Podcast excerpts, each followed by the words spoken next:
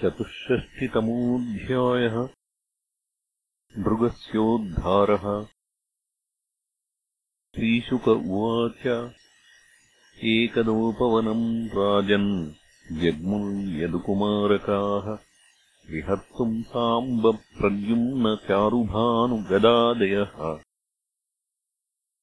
क्रीडित्वा सुचिरम् तत्र विचिन्वन्तः पिपासिताः जलम् निरुदके कूपे ददृशुः सत्त्वमद्भुतम्।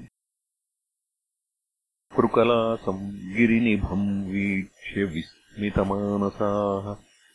तस्य चोद्धरणे यत्नम् चक्रुस्ते कृपयान्विताः। चर्मजैस्तान्तवैः पाशैर्बद्ध्वा पतितमर्भकाः नाशक्नुवन् समुद्धर्तुम् कृष्णायाचक्षुरुत्सुकाः। तत्रारगत्यारविन्दाक्षो भगवान् विश्वभावनः। वीक्षोज्जहारवामेन तम् करेण सलीलया। स उत्तमश्लोककराभिमुष्टो विहाय सद्यः कृकलासरूपम् सन्तप्तचामीकरचारुवर्णः स्वर्ग्यद्भुतालङ्करणाम्बरस्रक् पप्रच्छविद्वानपि तन्निदानम् जनेषु विख्यापयितुम् मुकुन्दः कस्त्वम् महाभागवरेण्यरूपो। देवोत्तमम् त्वाम् गणयामि नूनम् दशामिमाम् वा कथमेन कर्मणा सम्प्रापितोऽस्य तदर्हः सुभद्र आत्मानमाख्याहि विवित्सताम् नो यन्मन्यसेन क्षममत्र वक्तुम्। श्रीशुक उवाच इति स्म राजा सम्पृष्टः कृष्णेनानन्तमूर्तिना माधवम् प्रणिपत्याह किरीटेनार्कवर्चसा नृग उवाच नृगो नाम नरेन्द्रोऽहम् इक्ष्वाकुतनयः प्रभो। दानिष्वाख्यायमानेषु यदि ते कर्णमस्पृशम्। किन्नु ते विदितम् नाथ सर्वभूतात्मसाक्षिणः कालेनाव्याहतदृशो वक्ष्येथापि तवाज्ञया यावत्यस्तिकता भूमेर्यावत्यो दिवितारकाः यावत्यो वर्षधाराश्च तावतीरददाम् स्म गाः पयस्विनी तरुणी शीलरूपगुणोपपन्नाः कपिला हेमशृङ्गीः न्यायार्जितारूप्यखुराः सवत्साः दुकूलमालाभरणा ददावहम् स्वलङ्कृतेभ्यो गुणशीलवद्भ्यः सीदत्कुटुम्बेभ्य ऋतव्रतेभ्यः तपःश्रुतब्रह्मवदान्यसद्भ्यः प्रादाम् युवभ्यो द्विजपुङ्गवेभ्यः गोभूहिरण्यायतनाश्वहस्तिनः। कन्याः सदासीस्तिलरूप्यशय्याः वासांसि रत्नानि परिच्छदान् रथान् इष्टम् च यज्ञैश्चरितम् च पूर्तम्।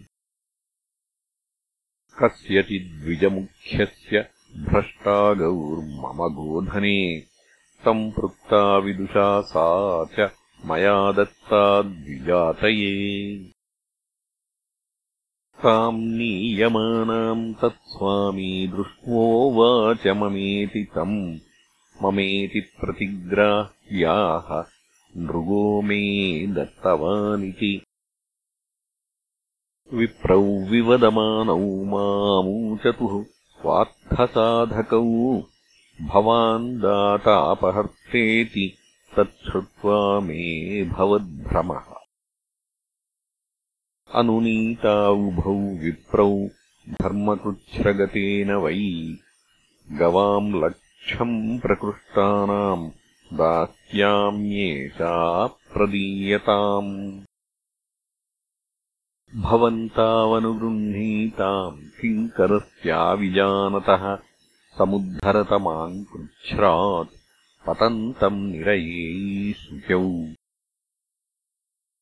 नाहम् प्रतीच्छे वैराजन्नित्युक्त्वा स्वाम्यपाक्रमत् नान्यद्गवामप्ययुतमिच्छामीत्यपरो ययौ एतस्मिन्नन्तरे याम्यैर्दूतैर्नीतोऽयमक्षयम् यमेन पृष्टस्तत्राहम् देवदेव जगत्पते। पूर्वम् त्वमशुभम् भुङ्क्षे उताहो नृपते शुभम्। नान्तम् दानस्य धर्मस्य पश्ये लोकस्य भास्वतः। पूर्वम् देवाशुभम् भुञ्ज इति प्राहपतेति सः।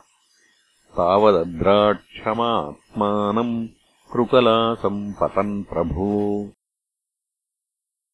ब्रह्मण्यस्य वदान्यस्य तव दासस्य केशव। स्मृतिर्नाद्यापि विध्वस्ता भवत्सन्दर्शनार्थिनः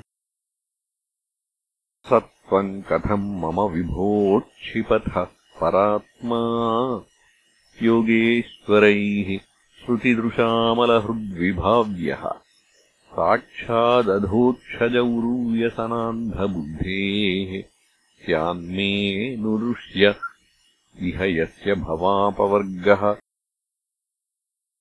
देवदेव जगन्नाथ गोविन्दपुरुषोत्तम नारायणहृषीकेशपुण्यश्लोकाच्युताव्यय अनुजानीहि माम् कृष्णयान्तम् देवगतिम् प्रभो यत्र क्वापि सतश्चेतो भूयान्मे त्वत्पदास्पदम्। नमस्ते सर्वभावाय ब्रह्मणेनन्तशक्तये कृष्णाय वासुदेवाय योगानाम् पतये नमः। इत्युक्त्वा तम् परिक्रम्य पादौ स्पृष्ट्वा स्वमौलिना अनुज्ञातो विमानाग्र्यमारुहत् पश्यताम् नृणाम्। कृष्णः परिजनम् प्राह भगवान् देवकीसुतः ब्रह्मण्यदेवो धर्मात्मा राजन्याननुशिक्षयन् दुर्जरम् बत ब्रह्मस्त्वम् भुक्तमग्नेर्मनागपि। तेजीयसोऽपि किमुत राज्ञामीश्वरमानिनाम् नाहम् हालाहलम् मन्ये विषम् यस्य प्रतिक्रिया। ब्रह्मत्वम् हि विषम् प्रोक्तम् नास्य प्रतिविधिर्भुवि। हिनस्ति विषमत्तारम् वह्निरद्भिः प्रशाम्यति कुलम् समूलम् दहति ब्रह्मस्वारणिपावकः ब्रह्मस्त्वम् दुरनुज्ञातम् भुक्तम् हन्ति त्रिपूरुषम् प्रसह्यतु बलाद्भुक्तम् दशपूर्वान् दशापरान्। राजानो राजलक्ष्म्यान्धानात्मपातम् विचक्षते निरयम् येऽभिमन्यन्ते ब्रह्मस्त्वम् साधु बालिशाः। गृह्णन्ति यावतः कांसून् क्रन्दतामश्रुबिन्दवः विप्राणाम् हृतवृत्तीनाम् वदान्यानाम् कुटुम्बिनाम् राजानो राजकुल्याश्च तावतोऽब्दान्निरङ्कुशाः कुम्भीपाकेषु पच्यन्ते ब्रह्मदायापहारिणः स्वदत्ताम् परदत्ताम् वा ब्रह्मवृत्तिम् हरेच्च यः षष्टिवर्षसहस्राणि विष्ठायाञ्जायते कृमिः न मे ब्रह्मधनम् भूयाद्यद्वृद्ध्वाल्पायुषो नराः। पराजितास्त्युताराज्याद्भवन्तु द्वेजिनो हयः।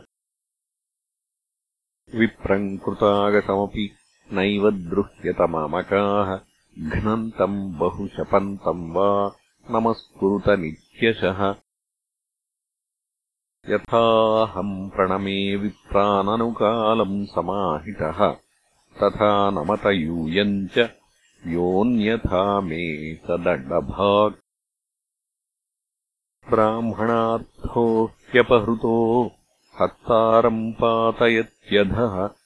अजानन्तमपि येनम् नृगम् ब्राह्मणगौरिव। एवम् विश्राव्य भगवान्मुकुन्दो द्वारकौकसः। पावनः सर्वलोकानाम् विवेश निजमन्दिरम् इति श्रीमद्भागवते महापुराणे पारमहंस्याम् संहितायाम् दशमस्कन्धे उत्तरार्धे चतुष्षष्टितमोऽध्यायः